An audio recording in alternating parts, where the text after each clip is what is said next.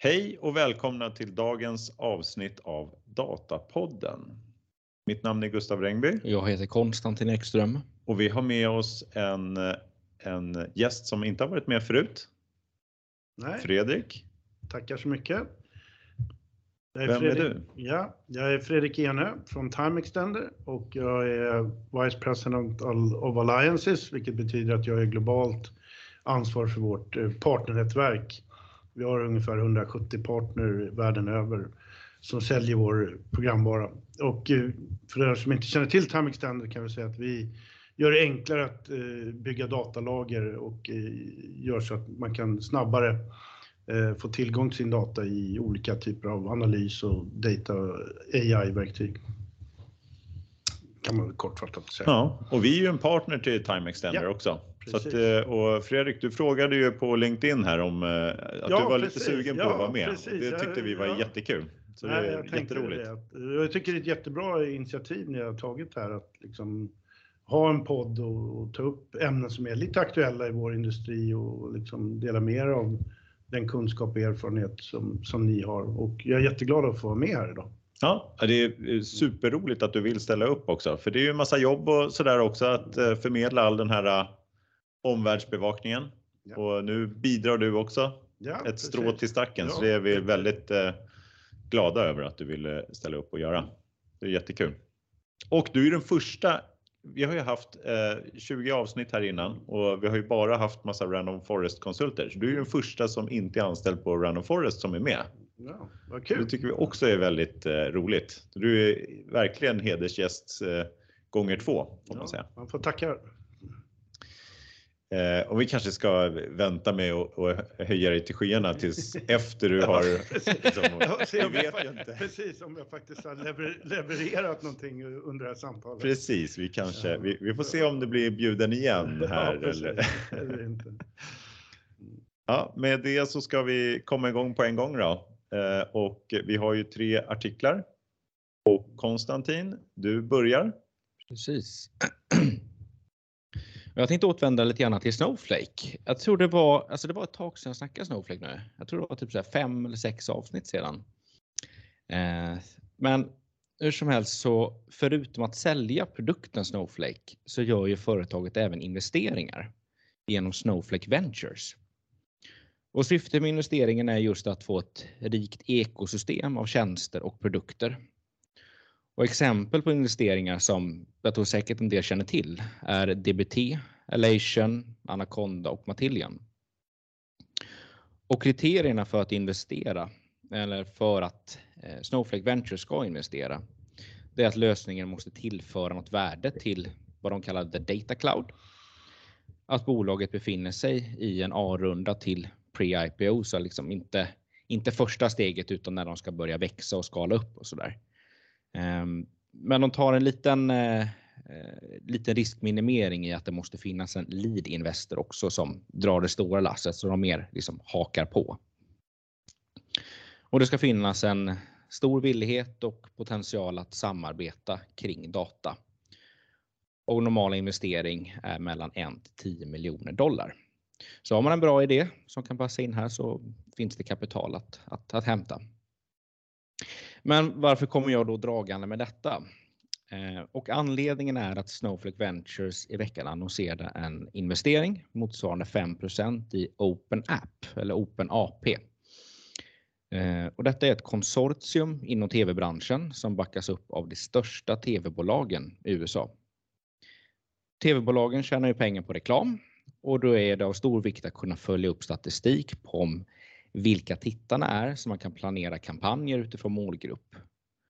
Och de här bolagen som annonserar, de är ju i sin tur beroende av tv-bolagens data för att kunna följa upp effektivitet och vilka man når ut till.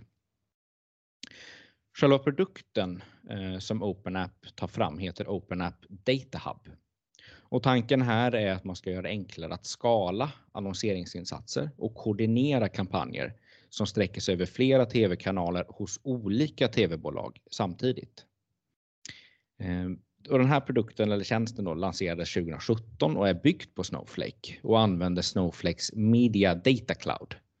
Och detta är en vertikal bland flera som Snowflake tagit fram. Ehm, vi har som exempel Financial Services Data Cloud som släpptes förra året med lite mer specifika features som inom säkerhet, vi har tredjepartsdata och ekosystem av applikationer. Mm, superintressant och spännande. Det här blir verkligen, för de, har ju, de pratar om den här data sharing funktionen och allt det här. Det här blir väldigt mycket mer tydligt. Ja, verkligen. Eh, vad, vad det handlar om. Och, så det är jättespännande. Mm. Jag funderade på, eh, man möjliggör en samlad reach här inom TV. Men hur är det med övriga ads? Det känns som det blir väldigt, för online har väl tagit över väldigt mycket i den här branschen. Den eh, kanske man missar då i den här. Det blir bara TV som man får i den här Open App va? Är det en, är det, är det en döende, liksom den här linjär-TVn, är det en döende eh, bransch att ge sig in på eller hur ser det ut egentligen? Jag tänker det finns ju fortfarande vissa eh, stora evenemang som fortfarande tänker så här Super Bowl. Mm. Det är liksom, vad är det världens dyraste reklamplatser liksom? Mm. Um, så det finns säkert stor potential där. Och sen tänker jag mm. väl också att uh, du har väl det här att uh, även om inte folk kanske tittar på linjär-tv så tittar de ju på streaming-tv och det är ju fortfarande de här ja, stora tv-bolagen som säkert sköter annonseringen i ja. det där ändå. Mm. Så jag tror att, men sen vill man ju säkert kombinera vissa mm. saker med online-marknadsföring och sånt också. Liksom. Så det finns ju en viss risk för viss isolering ja. i det här. Det är ju såklart bra för just det här mediet så att säga, mm. men det är, sen vill man ju ha den där helhetsblicken och idag är det ju så att de flesta företag de annonserar ju kampanjer i flera olika kanaler. Det är inte, det är sällan man gör någonting bara i en endaste kanal. Liksom. Ja. Mm. Ja, man undrar här om de kan nå någon slags, alltså eh, om man eh, kan nå en de facto monopol här i den här satsningen på just den här marknaden. För det känns ju oerhört viktigt att få att kunna eh, marknadsföra i flera tv-kanaler i alla fall, om man är i USA då. Kan man göra samma sak i Europa? Eller är vi för heterogena här? Ja. Det är inte lika, det finns väl lite fler tv-bolag här än? Ja fler språk. Mm. Man tänker man kör exakt samma mm. annons. Går ju inte riktigt att köra på samma sätt här. Mm. Nej, så är det. Jag, jag tror att det är i varje fall svårt att ta konceptet rakt av och, och köra det i, i Europa. Men däremot så tycker jag väl att vad jag fastnar lite för i den här artikeln är också själva fenomenet med det här med dels om man tittar på en speciell industri men också att vissa bolag går ihop inom något visst område och, mm. och samarbetar för allas good. Och du har väl lite, det fanns ju förut där, tror jag, Nielsen Rating som höll på med TV rating, hur många som tittade på olika program. Det tror jag också var någon sån här, ja, liksom branschföretag på, på sätt och vis. Sen finns det ju sedan länge till exempel i USA bolag som samlar in eh, läkemedelsdata, alltså vilka läkemedel skriver ut, vilka läkare är det som skriver ut dem och i mm. vilka mängder och så vidare som, som har sålts för dyra pengar där liksom själva affärsidén har varit liksom att, att, att sälja branschdata om vi, om vi säger så. Mm. Mm. Eh, men däremot så ur ett Snowflake-perspektiv så kan jag ju definitivt förstå att de också investerar i det här för det hjälper ju liksom att, som du sa, att det hjälper ju driva nyttjandet av deras produkt och den blir ju en ganska central del i den här lösningen vilket man då kanske cementerar i att eftersom man då också är en av investerarna i, mm. i det här, vilket såklart från, från ett strategiskt synvinkel känns vettigt liksom ur, ur deras perspektiv kan jag säkert förstå. Ja, liksom. ja verkligen. Eh, nej, men det, det slås lite av här, men jag kollade upp så här, en, en vanlig då, ett vanligt sätt att utnyttja sån här data, det är ju sån här kampanjoptimering. Så man eh, räknar ut på hur mycket spänn man har haft i, i sina olika marknadskanaler. Mm. Och så kan man göra någon slags regression på alla de här olika spänd och hur många kunder man fick in. Så får man en eh, siffra på hur mycket kostar varje ny kund i marknadsföring. Ja, just det. Då brukar man prata om någonting som heter marketing mix models. Mm. Mm. För att förstå det här, det blir någon slags cocktaileffekt, är ju själva tanken inom marknadsföring. Men även där så pratar man ju om det här jag läste lite på någon hemsida här om skillnaden mellan marketing mix models och marketing attribution model. Det gjorde man en skillnad på. Ja, liksom att då kanske man kommer ner på eh, individen också. Men då behöver man ju nästan online marknadsföring. Ja. Eller om man kan få det från en linjär TV. Så fort den är uppkopplad med, eh, med någon typ av eh, over the top eller något sånt där. Alltså, då har, borde man ju kunna få eh, även vem som vem det är. Ja, eller i varje fall vem som äger abonnemanget. Ja, precis. Det mm. blir väl en Ja, det blir väl liksom på approximation. Box, boxnivån, liksom, ja, vilken box är det som har tittat. Och då. Mm. Sen slog det mig nu också, just när du pratar om den saken. Vi har ju faktiskt eh, ett företag eh, i Sverige som heter Clearon. De gör ju, det är lite åt det här hållet, fast på, på kanske en annan nivå, men där är ju detaljhandeln som har gått ihop där, liksom de här stora varumärkena i detaljhandeln äger ju då bolaget Clearon. Mm. Som förut hette kuponginlösen på den här gamla goda tiden när du mm. fick 5 kronors rabatt för att du testade Bob Saft. Men de har ju liksom ja, transformerat och heter ju Clearon nu och är ju då mycket digitalt i annonser i, i mobilen. Jag tror att, jag vet inte om de har till och med så här, de kan Eh, eventuellt kanske känna, känna i mobilen om du går förbi en viss butik och så kan det poppa upp liksom att idag får du 5 kronors rabatt på någon typ av glass eller någonting om du poppar in här liksom. Mm. Och där tror jag att de också gör den typen av analyser, men där man då också, du har liksom industridata och kan följa dina kampanjer och kanske också jämföra mot liksom, någon, någon typ av snitt eller hur andra kampanjer går. Och så. Ja, det. det. är lite ja. samma tänk, liksom, ja. fast, fast, utan kanske en, en mjukvaru, dedikerad mjukvaruleverantör. Liksom. Mm. Ja, men det, det, blir tydligt att det, den här typen av bolag har mm. verkligen data som egentligen som huvudsyfte eller ja, det är produkten precis, så att säga i de där branschorganisationerna. Mm. Ska vi gå vidare? Mm. Då tar vi en, eh, vi hade ju den här eh, Microsoft eh, Ignite var ju förra veckan. Just det. Så vi har ju lite nyheter därifrån. Det är kanske lite skralt. Vi kör en, det kanske blir fler sen. Men då finns det en nyhet här från Microsofts Power BI-blogg. Och det här kom ut den 12 oktober, det här blogginlägget. Men Eh, ja, jag tror att de pratar om det också på Ignite då, som en del av Ignite. Då. Och rubriken är Introducing Cross-Tenant Power BI Dataset Sharing. Eh, och vad det här innebär då, det är ju alltså att man inför en möjlighet att dela en, om man har en Power BI-rapport, Power BI består ju av liksom att man skapar sina eh, dataset då, som är liksom en uppsättning med eh, dimensioner och eh, mätetal som man kan göra analyser på. Och sen så har man den här visualiseringsdelen. Och nu kan man alltså dela med sig av en sån uppsättning dimensioner och mätetal med andra då organisationer. Så man kan sharea liksom det här direkt. Så kommer en, annan, eh, ja, en helt annan organisation åt sin data och kan bygga sina egna rapporter på det och så vidare. Då. Eh, och den här funktionen då är i public preview nu, är nyheten då. Så man kan dela de här Power BI datasätten då med externa användare och kanske då ja, som kan konsumera det här. Och de kan i sin tur eh, bygga rapporter på det. De kan liksom använda det för att blanda med sin egen data eller andra externa datakällor också. Så du kan till exempel om du har den här eh, liksom marknadsdata så kan du kolla hur det fungerade mot ditt sälj till exempel. Eh, om du skulle ha en sån dataset. Då.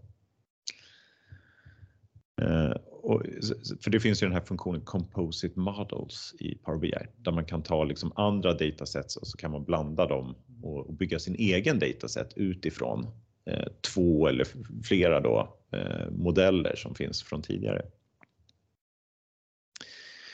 Och eh, eh ja, man säger också i den här artikeln att en bra sak här är att man kan också komma åt och analysera i Excel. Vill de nämna också i, i bloggen. Mm. Eh, så det är väl positivt och det går ju alltid att analysera i Excel i stort sett om man har en Power BI-rapport. Så det är ju, men det är viktigt att nämna också i den här artikeln. Datat fortsätter vara i den som har publicerat den här datakällan. Så alla som kommer åt den här, man delar den till en extern part. De skriver queries, men de lagrar inte datan i sin miljö, utan du äger fortfarande data som den som har delat datat. Så de gör bara eh, liksom frågor mot det och får en query, svar på ett query då när de visar liksom sin rapport då, och så vidare. Hur går det till då? Då har man eh, då har de infört så här att man kan, eh, man måste styra det här säkerhetsmässigt. Och man kan då styra, för det första så kan man styra i en organisation och säga att nej, vi, här är det förbjudet att dela några datasets. Eller så kan man göra det tillgängligt att, för vissa personer att dela sina dataset. Då. Eh, och sen i slutändan så den som är ägare av en sån här då dataset då, den kan ange så här, den här ska vara tillgänglig för externa parter. Då kan man dela den med eh, med andra då i, eh, ifrån externa parter. De måste ha, eh, finnas som gäster då i, i den här, eh, de som delars AD. Så det, det ska ju vara i Azure, Azure AD så ska man finnas som en gäst då. Det är väl på ett liknande sätt som när man bjuder in någon att vara med i ens Teams grupp så har man ju också sådana här funktioner. Ja, Då måste man också vara gäst mm. misstänker jag.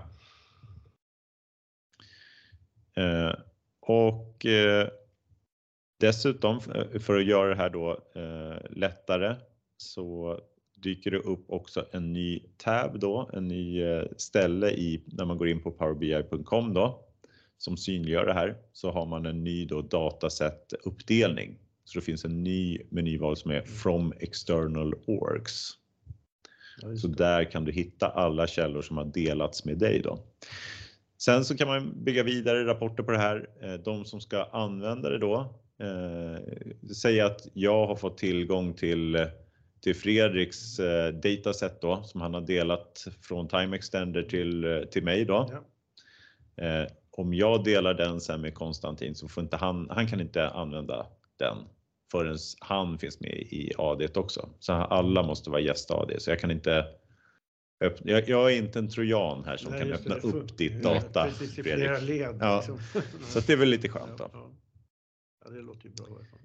Eh, ja, det, är väl en, det här är ju en eh, superspännande nyhet apropå att eh, det är många som pratar data sharing här. Vi mm. har väl de här uh, Delta Share, vi har uh, data sharing i Snowflake mm. och här kommer ett ytterligare sätt då att dela data mm. på en kanske en lite högre nivå då, för det här blir ju inte att man kan dela data på detaljdata direkt i databasen, utan det här är eh, för eh, rapportering mer. Men det är ju ett väldigt effektivt sätt kan jag tänka mig. Verkligen. Väldigt enkelt.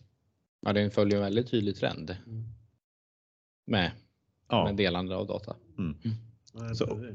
Och där tänkte jag att när jag hörde om det här och läste så tänkte jag också, jag var på en kan man säga analysträff för tre veckor sedan, tror jag, i Tyskland nu. Det är ett företag som heter BARC som står för Business Application Research Center. Just en av sessionerna där handlade just om, mycket om det här och, och att det finns en, en, stor trend i det här med olika typer av dataprodukter och vissa marknadssajter som bara finns för att sälja dator. Och det här följer, precis som du sa, lite samma liksom, linje av hur kan man liksom förmedla mer data och få dela med sig av andra och, och det, vilket är Men sen väcker det ju också alltid en del frågetecken kring det här. Nu var det ju också så att man officiellt kanske inte delade datan utan de fick åtkomst till, men man tänker saker kring GDPR, eh, data governance, hur kan man liksom, då var, var, liksom vara säker på en viss kvalitet till exempel? Mm. Om man börjar, mm. och det, det, finns ju en, del, en hel del frågetecken kring det här också, liksom rent, vad, vad, vad gäller liksom rent legalt om, om hur man delar med sig av, av data externt till olika ja, intressenter. Då, liksom. mm. Sen är det ju såklart också spännande att, det är precis som du var inne på Gustav, du öppnar ju upp väldigt många möjligheter just där när man kan då kombinera viss extern data med den egna data man har. Liksom. Ja. Det... Nej, jag tror man ser ju. Vi har väl hjälpt ett antal kunder att bygga sådana här rapportportaler, sådana som vill dela med sig av sin data. Och där man gör en, Power BI har också sådana här embed-funktioner att du kan bygga så att du kan göra data tillgängligt till externa användare och sådär.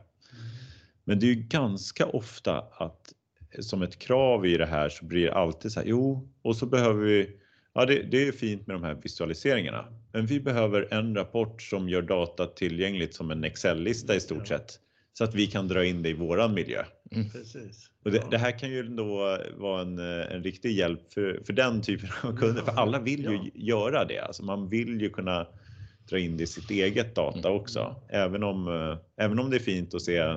Det räcker ju att ha kanske för operativ rapportering och se så här hjälper vi dig eh, då mm. som, som företag eller det här är datat som du ska ha tillgång till. Men i slutändan så vill du ju dra in det och ofta jämföra och och lägga till din egen del av, eh, av information i det här. Eh, vem tror ni kommer ha störst glädje av den här nya funktionen då? De kommer rusa nu till, till sin Power BI-utvecklare.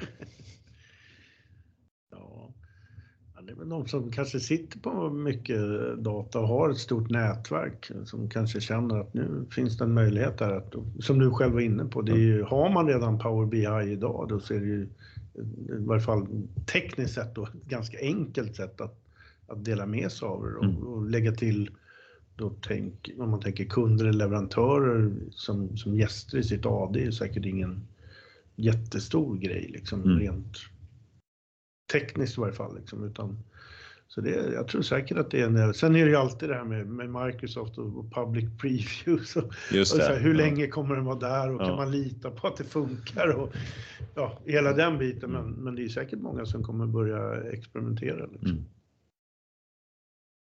Ja.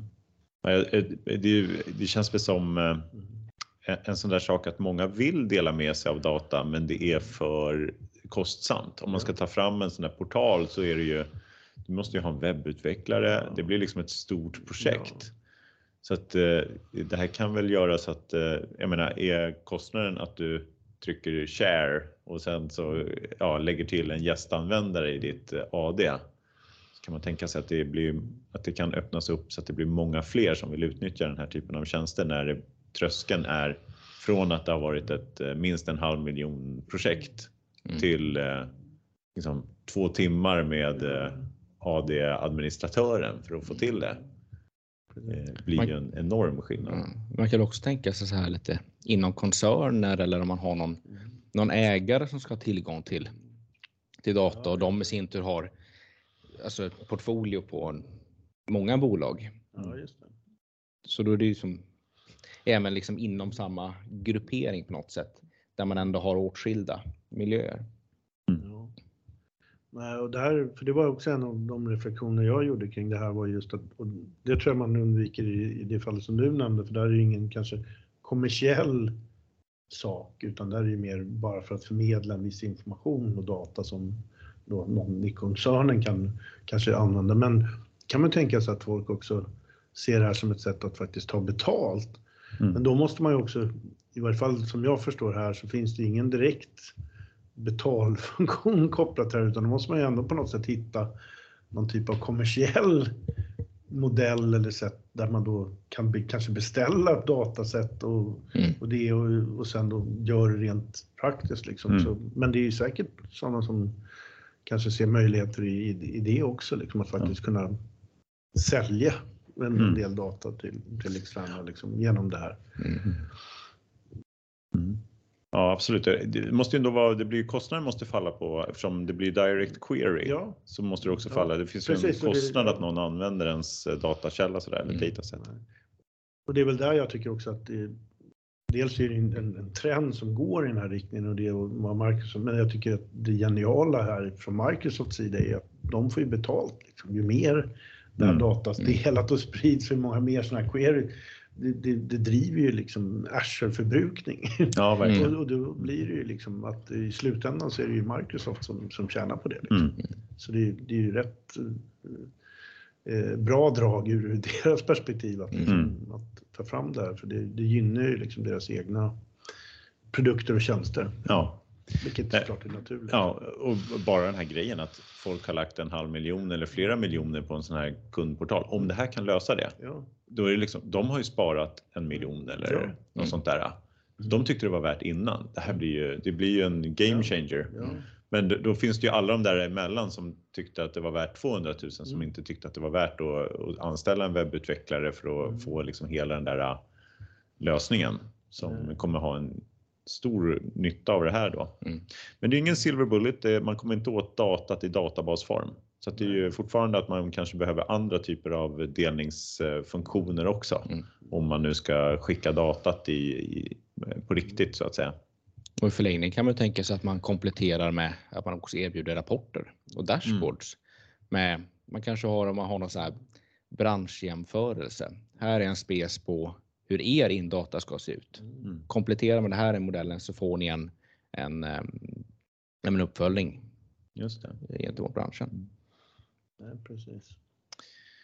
Utöver det här eh, tänkte jag bara nämna det också. Eh, det fanns ju en del andra nyheter från Ignite här också som de pratade om eh, även på den här bloggen. Det var ett annat inlägg, men jag tänkte jag nämner dem ändå, för den här tyckte vi var mest spännande. Men annars så var det mycket optimeringsfunktioner kring stora datasets. Om man har väldigt stora datakällor och gör det lite enklare att jobba med dem i Power BI. Sen släppte de också en en sån här migrering, lite mer automatisk migrering mellan Azure Analytics Services, mm. Analysis Services och Power BI Premium. Så man ska liksom lättare kunna flytta över sina då datasets då, eller tabulära modeller mm. Från Analysis Services till Power BI. sen så hade de något Power BI-stöd för OneDrive och SharePoint också. Så man ska kunna liksom ha en preview på sin rapport tror jag. Eh, direkt ifrån eh, filsystemet så att säga. Det ska bli ännu enklare att dela med sig av sina rapporter. Så där. Lite sådana här eh, också ytterligare funktioner. Det var ett antal. Jag tror inte vi kommer inte prata om dem i sig i Datapodden utan det blir nog det här som blir Power BI. Men vi får se om det blir något mer inlägg om någon annan av nyheterna på Ignite senare. Har ni några ytterligare kommentarer på det där eller ska vi gå vidare till, till nästa artikel? Ja, vi kan väl gå vidare kanske. Mm. Då lämnar jag över eh, rodret till dig Fredrik. Ja, precis. Och eh, jag valde ju då en artikel om, eh, från Harvard Business Review som är från februari i år, så den är inte så här rykande färsk, men jag tror själva området och, och, och det är, är aktuellt, har varit aktuellt kanske de sista 10-15 åren, för jag tror att vi alla sen, sen liksom ja, datorer och internet blev liksom mer vanlig Eh, har liksom strävat i den här riktningen. Och den heter då Why becoming a data driven organizational is so hard. Eh, och ja, man kan väl säga liksom att först och främst så säger väl författarna här att de senaste 20 åren så har det här varit aktuellt liksom. Och det stämmer ju men jag tror att varför han vill lyfta det här just nu är väl då tre orsaker till till det hela. Och det är ju dels att vi hade covid-19 och den här pandemin som hände. Jag tror att det belös liksom betydelsen av att kunna snabbt få liksom koll på läget när du har stora förändringar. Vad, hur ser liksom, vad, vad händer med företaget eller vad händer i omvärlden och liksom påverkar? Man insåg liksom vikten att, att de faktiskt har koll på, på sitt data. Liksom och, och, men sen har vi den här som jag tror vi också varit inne lite på i de andra två artiklarna, det här med själva self-service-trenden också. Man, man vill ju göra mer med den här datorn. Det ska vara enkelt som till exempel att dela data eller mm. ta del av ett datasätt och, och kombinera med sin egen data och så vidare. Att man, man försöker liksom trycka det här längre ut i en organisation, inte bara att det är någon på IT som ska sitta och göra massa grejer, utan de i verksamheten ska liksom kunna också göra mer saker. Och sen den tredje grejen är det det här med också explosionen av olika typer av applikationer, molnlösningar som AI och machine learning-projekt som alla genererar massvis med data. Det är ju liksom, eh, och där tror jag att också det är inte bara nu volymen av data som har ökat utan också just det här som vi också var inne på de här andra två, att värdet av data har ju också blivit mycket mer betydelse. Man inser liksom att den här datan är faktiskt värd någonting. Liksom. Det är inte bara att vi har mycket av det. Och det är de här tre faktorerna som jag tror att han då anser liksom har belyst igen vikten av och varför folk pratar om det här.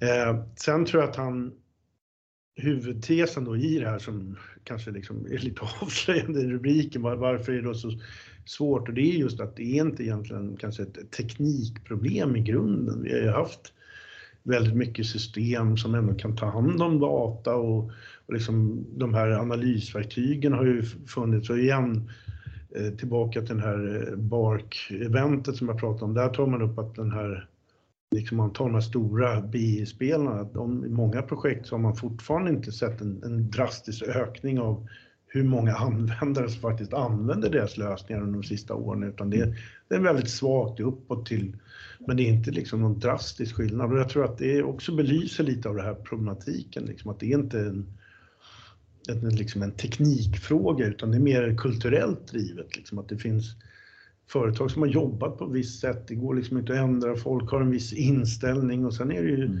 så också att jag tror att man ibland missar att folk har ju faktiskt ett, ett vanligt jobb och det är inte så meningen att man ska till exempel jobba som säljare. Det är klart att det är bra att du har koll på, på din portfölj. Och, liksom, det är inte meningen att du ska sitta och analysera data mm. hela dagarna utan där gäller det att hitta rätt nivå på det här liksom, mm. och, och, driva en, en, kulturell förändring och det är väl det som han då pekar ut som de stora. Och sen i slutet på artikeln så har väl då tre saker som han tycker att företag som verkligen vill göra det här och genomföra att de måste då kanske ändra sitt mindset lite runt där och inte bara se det som ett, ett teknikproblem liksom, utan att faktiskt förändra kulturen inom mm. bolagen, deras mindset och sen att också våga göra grejer och sen kanske inse att ja, det här var ett misstag, men då lära sig av det och gå vidare på det och inte tro att det är bara någon så här quick fix utan inse att man måste liksom tänka långsiktigt och att det är en och sen då börja kanske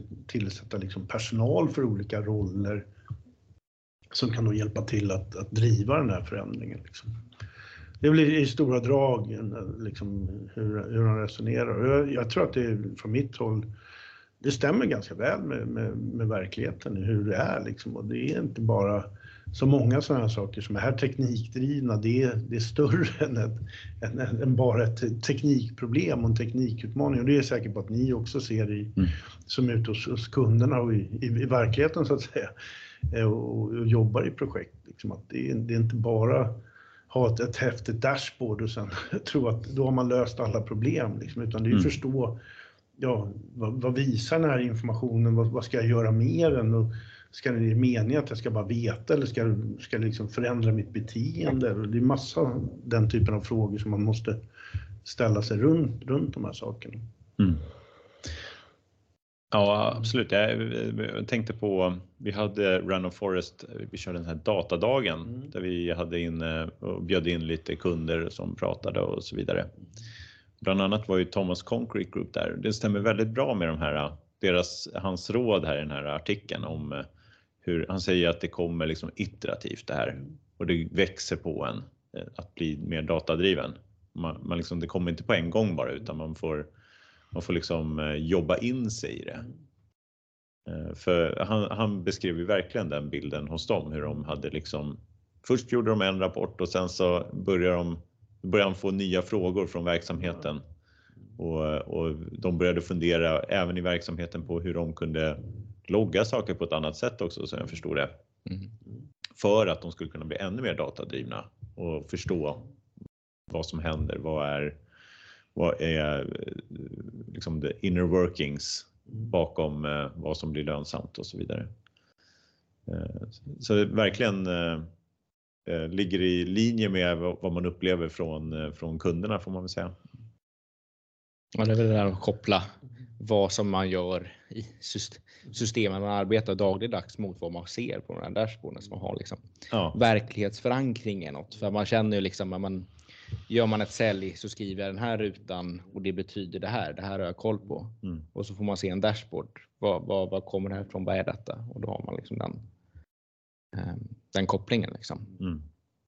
Ja, det var någon siffra här. De sa 91,9% av chefer sa att det var kulturella liksom, eh, hinder var den största barriären för att man skulle bli datadriven. Mm. Tror ni, vad tror ni om det här kanske är, jag vet inte om det var en global undersökning eller det antagligen ja, USA om inte annat. Ja, jag skulle gissa på att det är USA troligtvis. Tror ni man har samma, skulle det vara lägre, högre i Sverige? Vad menar man med kulturella hinder? Är det, vi har alltid gjort så här, så då ska man alltid, alltid göra så här liksom. Allt är liksom, människornas fel. Ja, ja men liksom, ja. är perfekt. jag skulle nog tro att andelen är lägre faktiskt. Min, min erfarenhet i varje fall om man tar ett USA-perspektiv, att där är det lite mer så här hierarkiskt mm. och det är lite så här, gör som bossen säger. Och man har också mm. lite kanske generellt där med att data och information är makt. Mm. mm. Och blir man då mer datadriven och delar med sig mer, då är det kanske också i viss mån att du ger ifrån dig makt. Så jag tror att det kan finnas sådana aspekter i, mm. under ytan i de här. Så, sen tror jag att det, det, finns kulturella utmaningar även i Europa och Sverige mm. också. Mm. Jag tror, men jag skulle, om jag fick gissa i varje fall så skulle jag nog säga att jag tror att den är lägre för att jag tror att vi är mer vana. Vi ligger också lite mer i, generellt sett kanske i framkant med att anamma ny ja. teknologi och rent kulturellt är det liksom mm. Man är mer platta organisationer, ja, då, då, då har man inte det där maktproblemet med Nej, informationen. Nej, det är väl lite sådär, för Sverige är ändå ganska så här om, om en chef säger någonting som är osanning, då kommer ju ändå medarbetaren säga, men vänta nu här, det du säger är fel liksom. Om, man är ju mycket mer sanningssökande tror jag i ja. Sverige, helt klart. Så man kan ju utnyttja data bättre ja. än eh, om man har en sån eh, eh, om man har mycket mer hierarki i, i organisationen får man väl säga. Eh. Sen tycker väl jag lite, vad jag reflekterade också, när, varför jag tyckte delvis också det var intressant att diskutera, är ju liksom själva termen det här med eh, vara data driven, det är lite också så här att på något sätt som att det är datat som styr, medan jag tror att vi på Term Extender bland annat försöker tänka ibland att liksom ja, det är kanske mer data empowerment som man är ute efter. Att vad liksom vill du göra? Alltså vad är det för liksom affärsproblem du försöker lösa eller hur kan vi liksom driva vår affär framåt och då se data som en del i, i det och liksom, vi jobbar ju själva med data så det är klart vi tycker liksom data är kul och viktigt, inte det men, men det är fel tror jag ibland att se det som, vilket också den här artikeln pekar på lite, att det är inte hela lösningen hela tiden utan det är liksom en del och därför till exempel internt så pratar vi om data, mind and heart. Och det är liksom att du måste ha med dig en kontext och liksom en, en, en övertygelse i det du gör. Du kan inte bara hela tiden ha data, för det är inte alltid du, den har all kontext. Och du kan ju ta det här klassiska, liksom att nu håller vi på mycket med machine learning och AI. Men när det blir mer komplexa saker så är det svårt kanske att hitta data som faktiskt påverkar den informationen du får ut. Det kan vara till exempel du har anställt mer säljare, du har sparkat säljare, någon konkurrent kom med en ny version. som du bara skulle gå på, på data så skulle det vara väldigt svårt att förklara varför mm. vissa saker har skett. Men när du tar in kanske då ett, ett mer mänskligt kontext i det här mm så kan man ju då förstå, ja men det var ju för att den här konkurrenten gjorde de här sakerna. De kom med en ny version som hade en jättebra funktionalitet och, och de är starka på den här marknaden. Och det, gjorde mm. liksom, och det är ju svårt att, att ha de datapunkterna, ha någon mm. AI-algoritm som ska liksom räkna ut att det har skett. Liksom. Mm. Mm. Och det är sällan man hittar en affärsplan liksom, i ett Excel-ark. Nej, nej, precis. Nej, jag menar det. Eh, nej, så där tror jag att det är viktigt just att, att man alltid också har i åtanke med vad det är vi försöker åstadkomma och, och, varför det här är viktigt och hur. Och det tror jag också att om man mm. tar det perspektivet, då tror jag att det också är lättare att faktiskt jobba igenom de här kulturella sakerna, för då mm. får ju också de som ska använda det här en, ett, bättre kontext till, till det. Liksom. Mm om man sammanfattar, han hade de här tre punkterna i den här. Mm. Tänk annorlunda, eh, fail fast, mm. learn faster, så lite trial and error på det. Och sen att eh, liksom, värdet kommer iterativt och att man växer. Man gör små projekt och, och växer hela tiden. Mm. Om man är Head of Analytics, Hur skulle man kunna omsätta de här råden till handling? Vad, vad är ert råd till en Head of Analytics? Hur ska man utnyttja det här?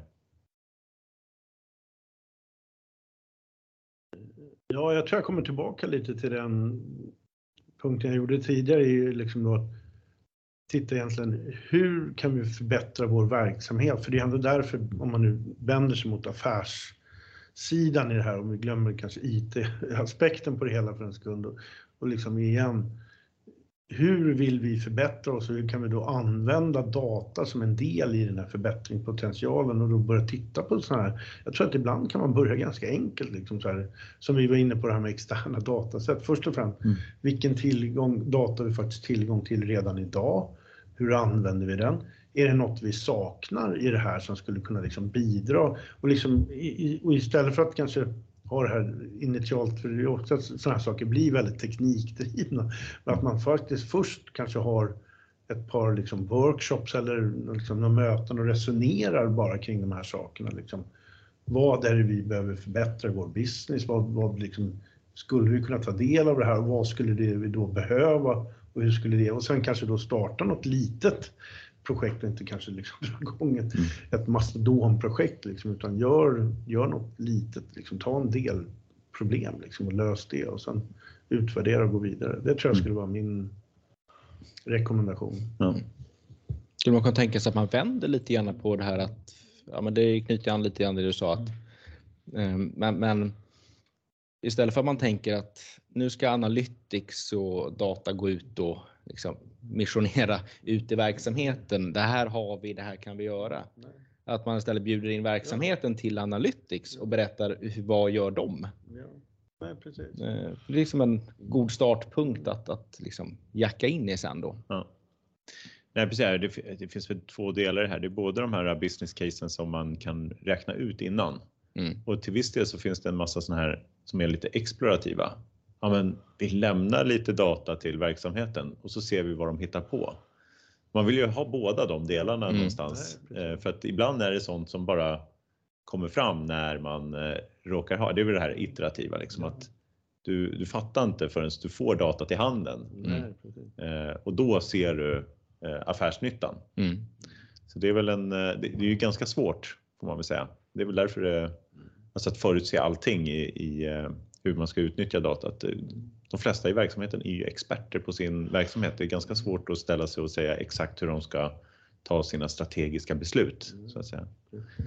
Sen hade jag en ytterligare kommentar som jag tror hänger ihop lite med det, men som är kanske lite mer på en operationell nivå. Nu pratar vi faktiskt i ordets rätta bemärkelse skulle jag vilja säga, vara datadrivna, vilket nu ska jag inte säga att jag är en expert på alla lösningar som finns där ute, men vad jag kanske i varje fall inte än sett, är, som jag saknar är ju det här, om vi tar ett klassiskt exempel, du jobbar som säljare, du har ditt CRM-system, du har en pipeline, du har massvis information om, om liksom affärerna som du driver. Men där tänker jag mig så här, borde det inte finnas ett eh, liksom inbyggt datastöd som till exempel sa när du, du liksom fick någon notis om att nu har den här affären liksom varit så här länge i det här steget. Vi ser baserat på de aktiviteter du gjort att om inte det här någonting händer inom två veckor så minskar sannolikheten att den här affären stänger med 83% baserat på mm. det här.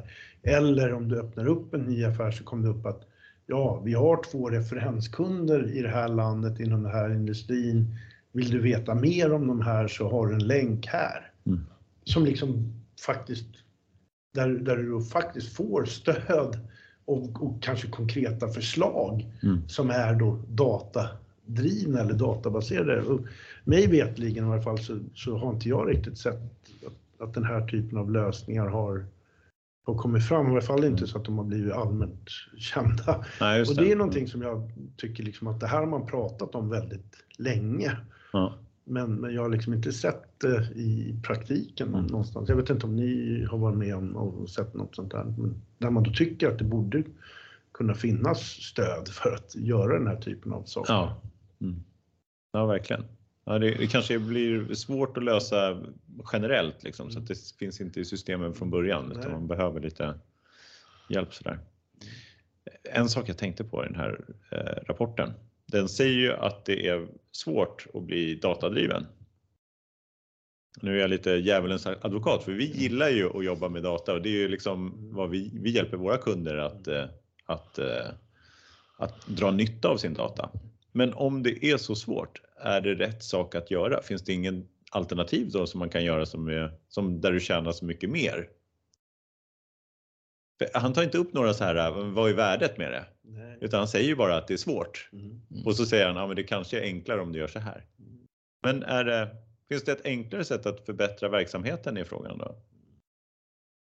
Går det att göra någon trial and error ändå och kanske inte ens vara datadriven? Ja. Det här är en alltså, existentiell fråga. ja, ja, men... ja, vi går hem nu. Nej, men jag, jag, jag, skulle vilja säga så här. Jag tror att du, du har en. Jag tror såklart övergripande svaret är ju nej. Jag menar idag så är det ju massvis med system. Du har massvis med data. Det, det är klart att du måste liksom använda det här. Det är svårt att liksom göra någonting och tro mm. att det ska. Men jag tror också att kanske frågan är till vilken grad ska man mm. ta det? Mm. Och där tror jag att man kan ställa sig den frågan liksom hur, och det är lite det här igen, jag var inne på det förut, eh, med liksom hur, man, man pratar om user adoption inom mm. AI, att den liksom har inte direkt ökat. Och det kanske är lite, varför har den inte ökat så mycket? Jo, för att kanske inte alla ska faktiskt använda, beroende på vilken roll du har i företaget, mm så kanske inte du egentligen ska sitta och klicka i någon rapport mm. eller mm. någon dashboard. Det är liksom det, det, skapar inget mervärde för den ja, mm. funktionen mm. eller den rollen. Liksom. Det finns liksom den här, man får räkna på marginalnyttan så här. Ja, Antingen precis, så analyserar jag kunden en timme extra ja, eller så ringer jag en gång till kunden och bara pratar med honom och så precis, ser vi vad som ger mest Nej, effekt. Liksom. Där, Ibland så kommer precis. svaret vara mm. ring kunden istället för säljaren. Det finns ju liksom kanske då en viss nivå av, av det här datadrivet som kanske är good enough. Liksom. Och sen marginalnyttan blev inte så mycket mm. högre fast du gjorde en mm. större investering och där tror jag att man Mm. Liksom, man får inte heller bara bli fartblind. Liksom. Nej. Och ha de här jätteplanerna. Det är bättre att jobba det här äh, liksom, iterativt. Ja, För då ser man ju hela tiden vilken affärsnytta man får in mm. också. Mm. Ja, och sen har vi det här också det som var innan datorerna överhuvudtaget fanns. Mm. Alltså den här erfarenheten kring så här, mekanismerna, hur de liksom vad som påverkar vad. Ja. Och liksom, det blir nog en känsla, men idag kanske det kunde snarare kallas gambling. Mm. Att man liksom, ja men det känns bra. Det borde funka så här. Det brukar funka så här. Det har alltid mm. gjort det. Ja. Eh, för ett exempel att, kan vara så att någon lyssnar hör av sig att, och säger att jag har eh, missuppfattat. Men, men jag läste en bok av Jan Karlsson som var eh, VD på SAS där. Och när han berättade om den här eh, klassiska hundralappen när de skulle där de sålde resor då för, för en hundralapp. De hade tidigare haft något kom, rätt så komplicerat rabattsystem. Det var så här, du fick din ålder plus minus någonting mm, okay. i rabatt. Liksom, alltså det var liksom ganska komplicerat att förstå. Även om det gav ungefär nästan lika mycket rabatt. Mm. Så bara, det är en hundralapp för en resa. Och de som hade räknat på det sa att nej, det här kommer aldrig gå. Vi kommer gå så mycket back. Men han, han, han struntade i vad matematikerna sa och körde ändå. Och det blev succé för att det kom så otroligt många nya resenärer som de inte hade kunnat räkna på. Nej. Um.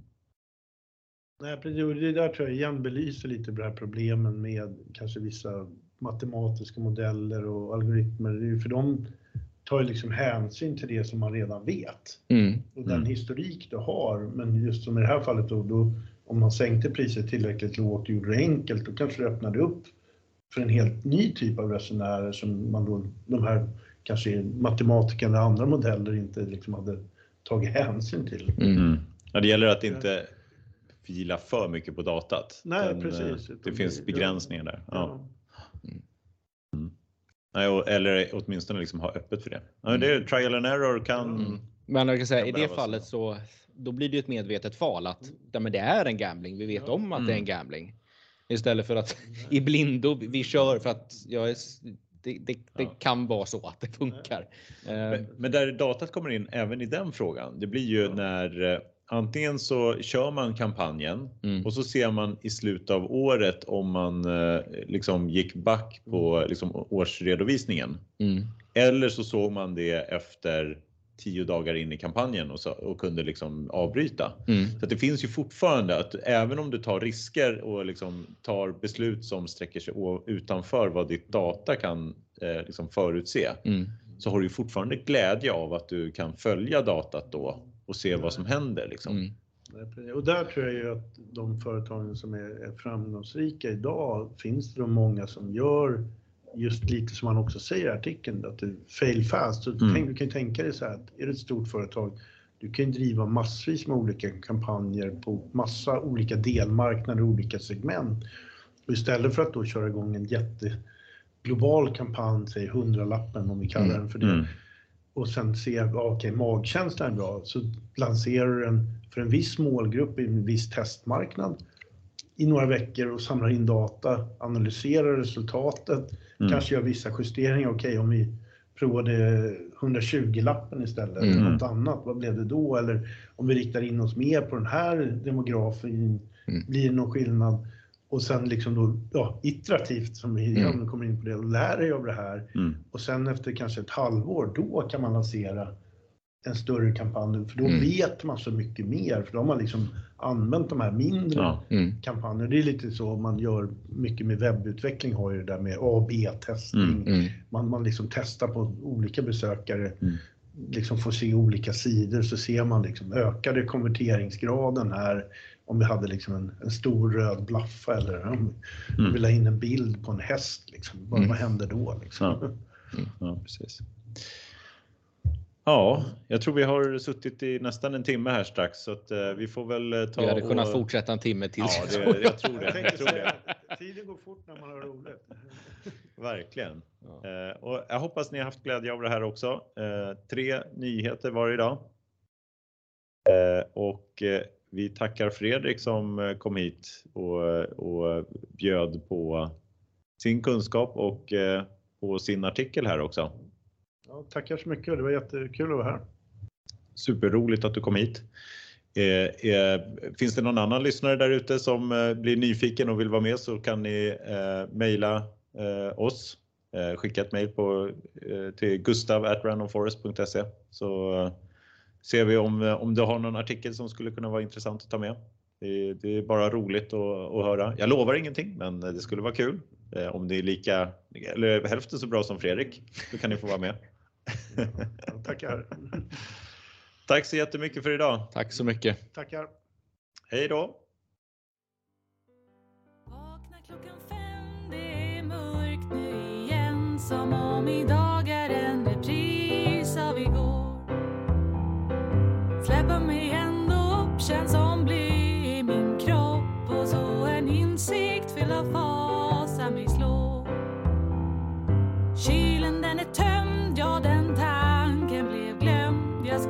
skulle